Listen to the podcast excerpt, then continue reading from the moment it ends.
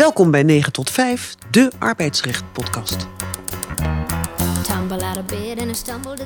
Het is vandaag 11 augustus 2022. Mijn naam is Els de Wind. Ik ben advocaat bij Van Doornen in Amsterdam.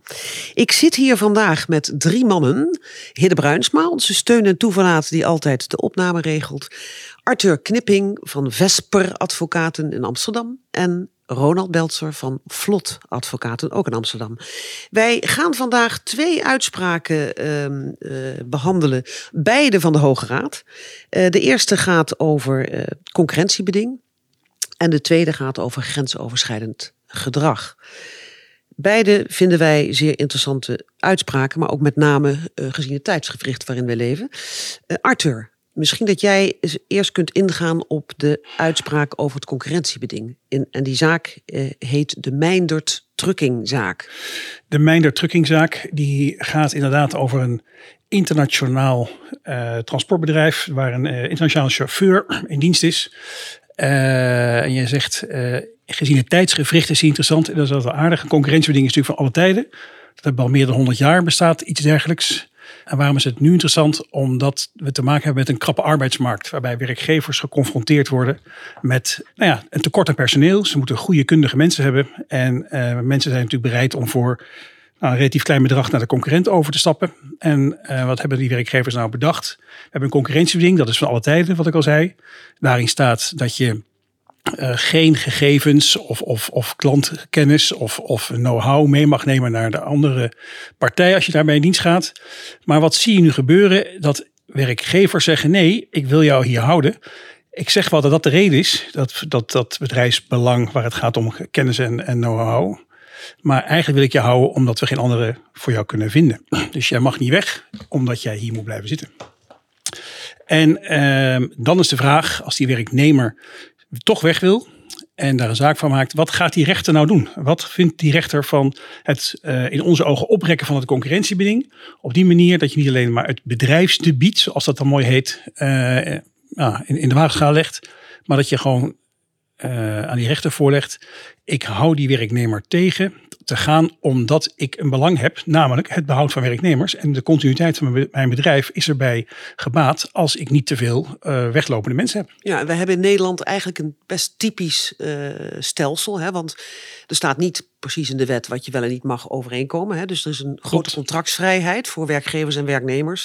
Ik vraag me altijd af in de praktijk of die werknemer überhaupt daar iets van gaat zeggen als er een concurrentiebeding in, in het uh, contract staat wat hij aangeboden krijgt. Maar mm -hmm. um, die, er is een grote contractsvrijheid en het systeem is dan, dan je spreekt iets af, maar je kijkt bij einde dienstverband, ja, wat zijn de feiten en omstandigheden en wat zou een rechter hiermee doen? Hè? Want die rechter, die kan bepalen, goh, ik vind het toch wel de lengte, hè, is te lang, het beding is, uh, duurt te lang.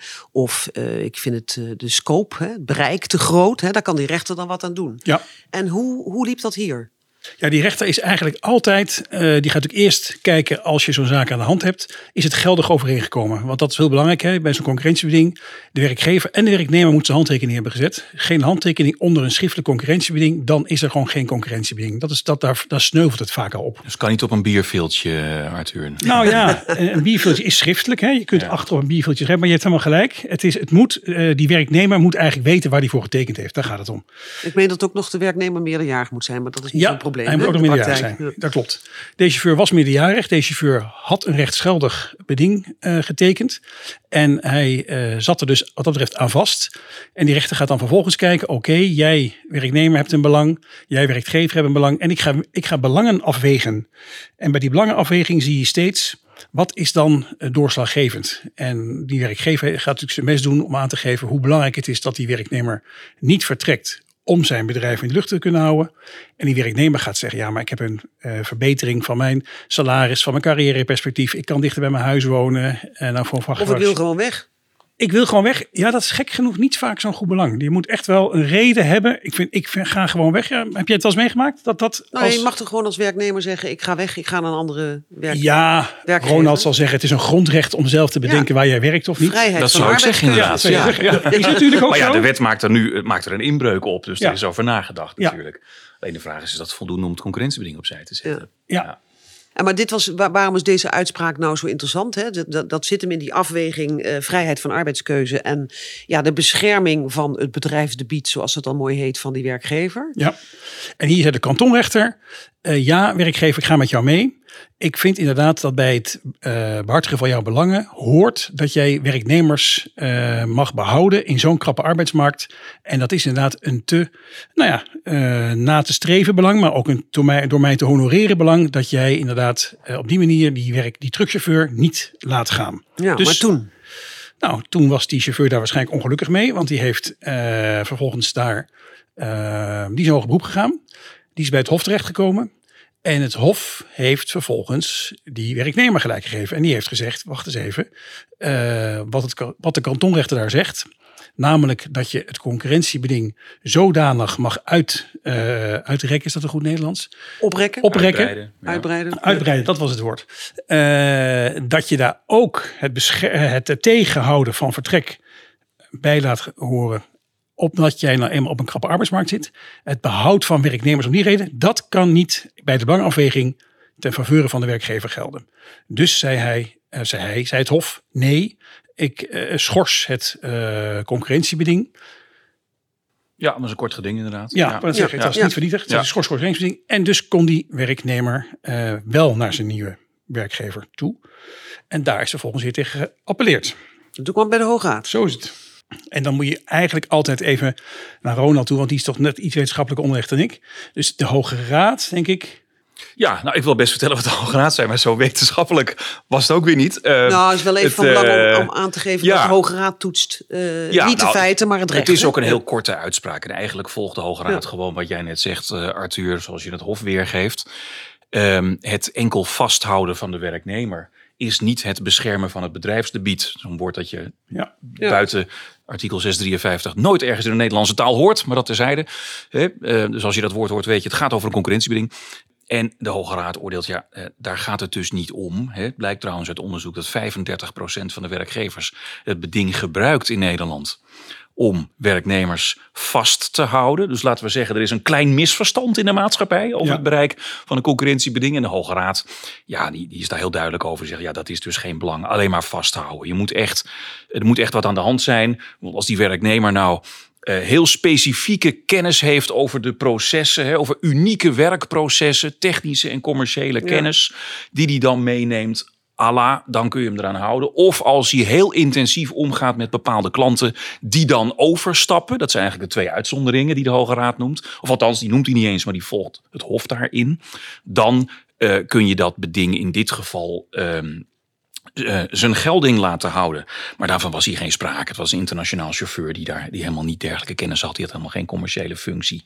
Dus dat, eh, dat, dat hield daarmee eh, gewoon op. Dus die uitspraak is van belang dat hij eigenlijk bevestigt wat wij al vinden. Maar wat 35% van de werkgevers niet weet. Ja, Eh, met die uitzonderingen die natuurlijk ook aardig zijn om eh, even goed voor het voetlicht eh, te brengen. Of de werkgevers weten het wel, maar ze dreigen eigenlijk ermee bij de werknemer van weet heel goed, er zat een boete als je vertrekt. Dat gebeurt natuurlijk ook. Ja. Hè, dat is wat je zei. Het is ook, zo begonnen we. Hè. Het, sta- het staat er ook gewoon vaak in. Eh, en dan gaan we aan het eind nog eens kijken of het, eh, of het wel of niet stand houdt. Eh, Nou, dat is wel een En, goed punt dat Arthur maakt. Want ja. in de praktijk, hè, dat weten we allemaal, je, je wil dan onderhandelen. hè. De, de eerste vraag is altijd als die werknemer ergens naartoe gaat en die twijfelt of dat verboden is of niet onder het beding. Hè, het is vaak twijfel. Dan is het voor die werknemer natuurlijk in eerste instantie van belang, ga ik het nou eerlijk zeggen en ga ik de discussie aan of we dat beding kunnen eh, ja, hermodelleren, zou ik het bijna noemen. Of ga ik het niet zeggen en dan wacht ik wel af. Maar dat is weer vervelend naar de nieuwe werkgever. Want die oude werkgever, hè, die doorgaans gaat niet alleen achter die werknemer aan, maar ook achter de nieuwe werkgever. En zegt, ja, jij maakt gebruik van de hè, wanprestatie, of hoe je het ook noemt, van die werknemer. En jij pleegt een onrechtmatige daad. Dus het is wel even van belang. In de praktijk speelt daar dat boetebeding. En dat staat er vaak wel in, in, in zo'n concurrentiebeding. Hè? Overtreding per dag en, en Ja. nog eens een keer, dat, loopt Ja. dan, eh, dat kan fors oplopen. En zeker als je, zoals drugschauffeur, dat is natuurlijk niet iemand met een heel groot salaris. Als je dan eens een boete van 500 euro per dag eraan hebt hangen, ja, dat, dat, dat kun je niet permitteren. Dan, kun je, Ja. dan blijf je. Maar het belang van die uitspraak die we nu bespreken is dus van, uh, let op, Nederland. Uh, het gaat niet om dat je die werknemer met behulp van een concurrentiebeding uh, gewoon aan je wil binden. Dat op zich is niet voldoende. Precies. Even, Ronald, jij noemde dat onderzoek en dat is op zich wel interessant. Want ehm, kan je iets meer zeggen over het onderzoek? Was ja, vorig dat jaar? Is, dat was vorig jaar. In juni is dat verschenen ja? op verzoek van een paar Kamerleden. Ik meen De Vries en Van Weijersbergen. Ja. Um, en er is dat onderzoek uitgevoerd um, naar uh, ja, de praktijk van het concurrentiebeding. Want de gedachte was, want daar ging die motie van die twee Kamerleden over. Ja, er kan maar zoveel met dat concurrentiebeding. En is dat niet een beetje, ja, is dat niet onwenselijk? Nou, uh, Misschien te onduidelijk. Ja, nou even voor de vuist weg. We zijn al 30 jaar bezig om dat concurrentiebeding aan te passen. Laatstelijk is in 2006 nog uh, het geprobeerd. Toen is het in de Eerste Kamer gestrand, het wetsvoorstel. En ja, als je, als je, dat, als je uh, naar het artikel kijkt, hoef je niet eens jurist voor te zijn. Er staat eigenlijk helemaal geen beperking in. He, er is een soort uh, belangenafweging. En ja, dat is natuurlijk ook vabank, uh, wat de gek voor de ge ervoor geeft, of hoe je het wil noemen. Um, en we hebben geen beperking naar, naar regio, waar je het net over had. Of in, tot een jaar. Of we doen het niet in faillissement of in proeftijd. Wat, waar toch wat voor te zeggen is. De bedingen worden volgens uh, mij wel aangepast in de loop der ja, jaren. Dan, aan de hand van de jurisprudentie. Dus eigenlijk is het aan de rechter. Hè, om, maar dan om, moet je er wel, je moet het wel halen als werknemer. Hè? Dus als je als, als, je, uh, als auteur schrijft. joh, het hoeft eigenlijk niks te gebeuren. Want ja, je kunt het, in de rechtspraak komt het toch wel goed. Ja, wacht eens even. We hebben het wel voor werknemers die die stap naar die kantonrechter moeten zetten. En als je kijkt naar landen om ons heen, uh, is dit helemaal niet normaal. Hè? Uh, uh, vooral waar het ook gaat om, je moet betalen voor dat beding. Dat staat bij ons in de wet. Hè? Maar daar wordt in de praktijk helemaal geen gebruik van gemaakt. Dat blijkt ook uit dat onderzoek. Dat Bedoel je dan dat de werkgever moet betalen Juist. als je dat zo'n beding erin zet? Ja, ja. De, uh, en, en ik vind dat leuk om dat een beetje Duits uit te spreken. De Karenzentschädigung heet en, dat in Duitsland. Uh, weet jij dat ik eigenlijk niet weet dat in de wet staat dat je als werkgever moet betalen? Ja, ja. Ik heb het wel eens bij de hand. Ik sta best ja. vaak, ik, zelfs in de rechtszaal, ja. voor uh, concurrentiebeding kwesties. Ja. En jij zegt, dan moet je even verder lezen dan lid 1 en 2, wat in de praktijk niet veel hoeft. Maar dan kijk je helemaal aan het eind en dan zie je dat de rechter kan bepalen dat de werkgever gedurende de tijd dat die werknemer aan het beding houdt. Ah, de rechter. Uh, juist, de rechter kan de bepalen. rechter. Ja, ja, ja, ja. Alles is de rechter in Nederland. Ja. In het contract spreek je af 12 maanden non-concurrentiebeding. Ja. Maak je daar inderdaad, dan moet je daar een beroep op doen als werkgever. Dan betaal ik jou een jaarsalaris. Ja. Maar dat staat natuurlijk nergens. Nee, dat staat er niet. Nee. nee. de rechter kan dat bepalen. Maar als, dat, als de rechter dat continu bepaalt, dan zie je het natuurlijk ook in contracten ja, en dat doet hij niet, uh, verschijnen. Maar dat is geen Nederlandse uh, rechtscultuur. Nee. Maar interessant, nog, nee. nog even, ik wil nog eventjes um, terug naar het onderzoek. Want als je dat leest, dan denk je, nou, dan moeten we toch in Nederland uh, iets gaan veranderen. Maar dat is helemaal niet zo. Hè? Eigenlijk aan het eind uh, wordt er niet gezegd, we moeten de wet nu zo en zo veranderen, want dan gaat het allemaal beter. Het valt eigenlijk wel mee. Behalve het punt dat we het aan de rechter overlaten. Maar wat, wat zou jij nou um, willen veranderen in de wet dan nu? Als we zien wat dat onderzoek opbrengt. Hè? Ja, kijk, je kunt er altijd op twee manieren in zitten. Je kunt zeggen, we hebben een redelijkheid- en billijkheidstoets. Uh, en een weging. En ja, weet je, dan kan alles. Dus waarom zouden we überhaupt iets veranderen? Ja, dat vind ik toch niet zo'n sterk argument als je het hebt toch hier over een grondrecht en ongelijkheidscompensatie. Kijk, wat ik vind, ja, weet je, uh, zo spannend is dat niet. Er hebben natuurlijk allemaal wetsvoorstellen gelegen. Doe dan iets met die betaling. Sluit het uit voor, uh, Arthur, we hebben het in de voorbespreking over gehad in België. Wat was het ook alweer onder de Onder de 35.000 euro is het verboden om concurrentiebeding op te nemen. En tussen de 35.000 en de 75.000 alleen in ieder geval van handelsreizigers, zo'n leuk ouderwets ja. woord, vertegenwoordigers, dan mag je het opnemen. Anders is het gewoon verboden. Gewoon geen, geen non-concurrentiebeding. Je kunt, je kunt allerlei dingen verzinnen. Hè? Uh, laat de werkgever het bedrijfsbelang, dat zwaarwegende bedrijfsbelang nou eens aantonen. Beperk het tot een jaar. Maak een sectorenbeleid dat in de ICT maximaal zes maanden is, want dan is toch alles oud. Nou, daar wil ik even, Whatever. Daar wil ik op even op aansluiten. Dat is nog een ander aspect. Um, in de praktijk zie ik wel, maar jullie waarschijnlijk ook, dat het wel van de sector afhangt uh, waar je het over hebt. Hè? Want, want heel algemeen, vroeger zeiden we twee jaar mag wel. Dat is teruggebracht tot één jaar in de loop der jaren. Hè? Heel algemeen. Maar het verschilt heel erg over welke sector je het hebt. Ja. Dus daar zou je, en daar wordt gesuggereerd, dat onderzoek, en ook wel in die, in die Kamerbrief, geloof ik, die later is gevolgd van. Um, maak dan een, een afwijking mogelijk bij CAO. Zodat de sectoren het, hè, het, het, het nog kunnen regelen. En Ja, kunnen nou is afwijken. ICT niet zo sterk in cao's, Nee. maar je kunt het bij een hele hoop sectoren wel regelen, inderdaad. Ja, Ja, dat zou dat nog een optie waar. kunnen zijn. Ja. maar ja, wa- wat is, wat is de moeite om het te beperken tot een jaar in de wet? Wat- Wie, wie, wie, wie stoor je daarmee? Of eh, eh, geografisch, of nou ja, hè, wat Arthur net zegt, dat zijn, wel, dat zijn wel dingen die je kunt doen. Ja, maar geografisch merk ik ook in de praktijk. Het thuiswerken is, het maakt grote, eh, hoe heet dat, opgang. Dat wil zeggen dat steeds meer mensen kunnen thuis hun werk doen. En je ziet ook steeds meer dat mensen waar ook ter wereld hun baan kunnen uitvoeren. De, de dienstensector zeker. Dus eh, wat is dan de sector? Hè? Of, sorry, wat is dan het eh Nee, klopt. Dat is een beetje ouderwets argument, ja. eh, Ja. eh, inderdaad, in sommige sectoren. Ja. Je kunt En welke werken waar je wil. Hè? Ja. Nou, ik denk dat het tijd is om over te stappen naar de andere uitspraak. Die ook over een onderwerp gaat dat de gemoederen bezighoudt. Ehm Ronald, zou je wat meer kunnen vertellen over de uitspraak die wij eh, ja, eigenlijk allemaal zo interessant vinden? ja, dat is die uitspraak over de, over de masseur. De Precies. eh, Belgische masseur die op een toneelschool in Heerlen werkt. Ehm, en daar ging het in feite over de vraag of eh, deze masseur ja, ernstig verwijtbaar had gehandeld, waardoor hij geen transitievergoeding zou krijgen. Hè? Dus hij had eh, zich schuldig gemaakt aan seksueel grensoverschrijdend gedrag. Dat stond ook vast dat dat zo was. Hè, overigens, die, die meneer die werkte daar al vrij, eh, vrij lang, vanaf 1989. Hij eh, was docent. ehm, God, Bij de nou? Stichting Zuid Ja, Hogeschool te ja, Heerlen. Ja, het was, was het nou bewegingsleer of zoiets eh, wat hij Ja, deed? beweging, In ieder senior geval- docent bewegingsleer. ja, zijn, zijn functie bracht mee, en dat is hier denk ik wel van belang. Dus we moeten ook weer niet eh, eh, eh, al te ingewikkeld doen hier. Althans, we moeten het in, in perspectief zien. Hij moest aanraken. Ja? En daarbij, daarbij was ook van belang dat de studenten, maar het waren hier vooral studentes, zelf aangaven waar hun grenzen lagen. Nou, ehm, ja, dat staat echt in de uitspraak. Dus dat, eh, dat, was, dat was hier relevant, eh, denk ik. En dat legt ook, en daar gaat het hier denk ik ook om, op die hogeschool een bepaalde, nou ja, eh, een bepaalde plicht. Nou, wat was hier aan de hand? Die man die eh, ging dus, eh, denk ik, naar alle maatstaven gewoon te ver. Als je de uitspraak leest, conclusie AG gaat ook nog fors op de feiten in. Hij hij raakte delen aan die je normaal, normaal gesproken niet aanraakt, wat voor functie je ook hebt, zal ik maar zeggen. Ehm, en hij was daar ook op aangesproken. Er was een officiële waarschuwing geweest.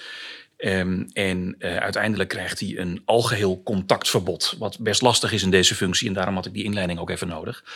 Ehm, en wa- waar, het nou, waar het nou misging voor de werkgever. Is dat die niet heeft gemonitord. ehm, eh, hoe die docent nou zijn, zijn lessen moest vormgeven. Hij werd daarin niet begeleid. Hij moest het allemaal zelf doen, roept hij bij de rechter ook meerdere keren.